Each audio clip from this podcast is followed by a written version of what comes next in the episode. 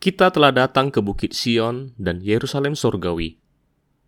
Kita harus memikirkan hal-hal yang di atas, memandang Tuhan dalam kemuliaan dan hidup baginya. Sungguh berharga karena dalam kitab Ibrani pasal 12 ayat 22 sampai 24 membuat kita memahami hal-hal di surga secara nyata. Oleh penyelamatan Tuhan, sehingga saat ini kita dapat mendekat kepada Tuhan. Kita bukan tiba di Gunung Sinai yang melambangkan hukum Taurat. Namun, kita sudah tiba di Bukit Sion yang melambangkan kasih karunia. Untuk mendapatkan pengampunan atas dosa-dosa kita adalah yang hampir mustahil. Namun, anugerah Tuhan sungguhlah luar biasa.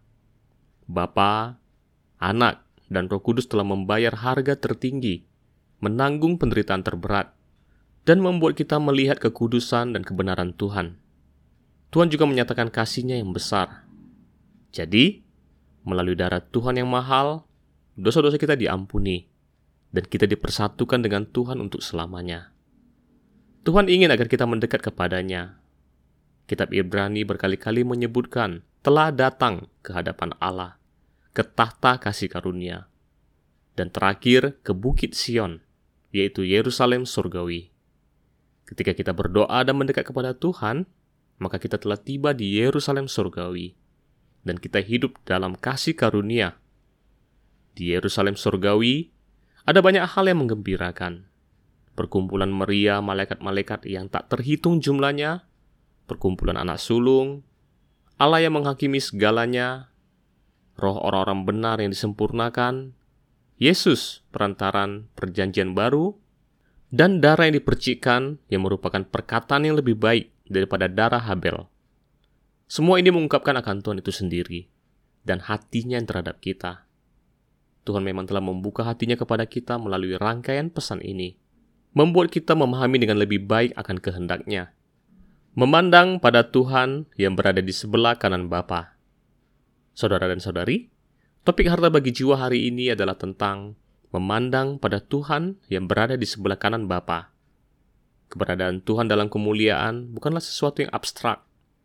Dalam kisah para rasul pasal ke-7, Stefanus menatap ke langit dan melihat Tuhan yang berada di sebelah kanan Bapa. Surat Kolose juga menyebutkan bahwa Kristus ada di sebelah kanan Allah. Pada saat yang sama, dia adalah hidup kita. Dia sangat mempengaruhi dan memelihara kita.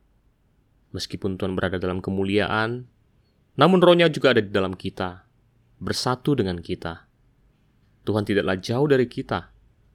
Marilah kita lihat secara pasti bahwa Tuhan berada di surga, di sebelah kanan Bapa. Kita juga menikmati akan Dia yang memberikan kita kehidupan dan asupan. Saya telah berbagi tentang memandang pada Tuhan yang berada di sebelah kanan Bapa. Saat saya menceritakan tentang Tuhan yang berada dalam kemuliaan, maka mungkin terasa agak samar bagimu tentang di mana tepatnya Tuhan berada. Stefanus dipenuhi dengan Roh Kudus yang membimbingnya untuk melihat pada Tuhan yang berada dalam kemuliaan di sebelah kanan Allah. Dia menatap ke langit dan melihat anak manusia berdiri di sebelah kanan Allah. Ini adalah sebuah pengalaman yang istimewa. Namun saya yakin bahwa Stefanus sering memandang ke langit. Saya sendiri tak mampu menghitung berapa kali saya melihat Tuhan dalam kemuliaan di setiap harinya. Kita adalah yang hidup untuk Tuhan. Lalu, di manakah dia berada? Adalah yang benar jika kita mengatakan bahwa kita hidup bagi Tuhan yang dalam kemuliaan. Meskipun demikian, ada baiknya kita melihat secara lebih pasti di mana kemuliaan Tuhan itu berada. Banyak orang beriman mengarahkan doanya secara internal, namun hal ini tidak pernah sekalipun disebutkan dalam Alkitab. Ini adalah jalan yang salah dalam pencarian spiritual. Kita hidup bagi Tuhan yang dalam kemuliaan. Pada saat yang sama, kita juga menghargai dan menikmati Tuhan yang berada di dalam kita. Jika kita berjalan sesuai dengan Alkitab, maka kita akan lebih menikmati pekerjaan Tuhan di dalam kita. Tuhan yang di dalam kita adalah yang sangat nyata, dan Dia adalah yang hidup. Janganlah berpikir bahwa Tuhan yang di dalam kita hanyalah sesuatu yang di dalam kita. Tuhan itu adalah yang sangat nyata, lebih nyata dan lebih hidup daripada kita. Tuhan pernah berkata bahwa Dia tidak sendirian, karena Bapa ada bersama-sama dia. Hari ini, pengalaman kita adalah yang sama. Kita tidak sendirian, karena Bapa Tuhan dan Roh Kudus menyertai kita. Dia lebih hidup daripada kita. Janganlah berpikir bahwa Tuhan itu adalah yang abstrak dan kita adalah yang konkret. Karena Dia ada yang lebih nyata dari kita.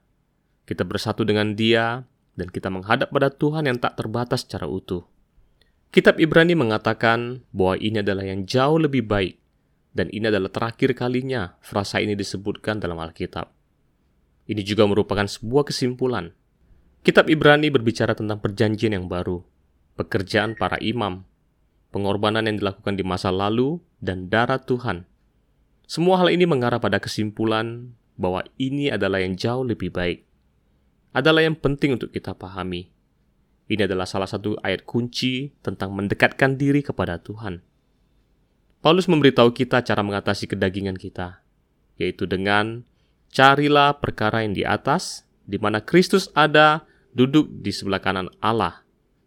Dan Paulus juga mengatakan, Kristus yang adalah hidup kita. Kolose 3 ayat 1 dan 4. Kristus ada di sebelah kanan Allah, dan dia juga adalah hidup kita. Dia sangat erat bersatu dengan saya dan mempengaruhi saya. Dia mempengaruhi seluruh aspek kehidupan saya dari dalam, seolah-olah dia adalah hidup saya dia mempengaruhi dari dalam roh saya. Meskipun dia berada dalam kemuliaan, namun dia juga adalah yang sangat dekat dengan saya. Dia memberiku asupan dan sangat mempengaruhiku. Dialah roh yang memberi kehidupan. Meskipun tubuh kebangkitannya berada dalam kemuliaan, namun rohnya ada di dalam kita, dan rohnya memberi kita kehidupan. Ibarat makanan yang mengalir dari pokok anggur ke dahan, dan membuat ranting itu berbuah. Rantingnya bukan hanya tidak layu, tetapi juga terus tumbuh dan berbuah. Sangatlah berharga bahwa Tuhan mempengaruhi kita secara intim. Saat kita melihat Tuhan yang berada dalam kemuliaan, maka kita harus tahu bahwa Dia sama sekali tidaklah jauh dari kita. Sesungguhnya Tuhan telah naik ke surga dan duduk di sebelah kanan Allah. Oleh karena itu, Dia juga ingin agar kita mengarahkan diri kita kepada Dia yang berada dalam kemuliaan.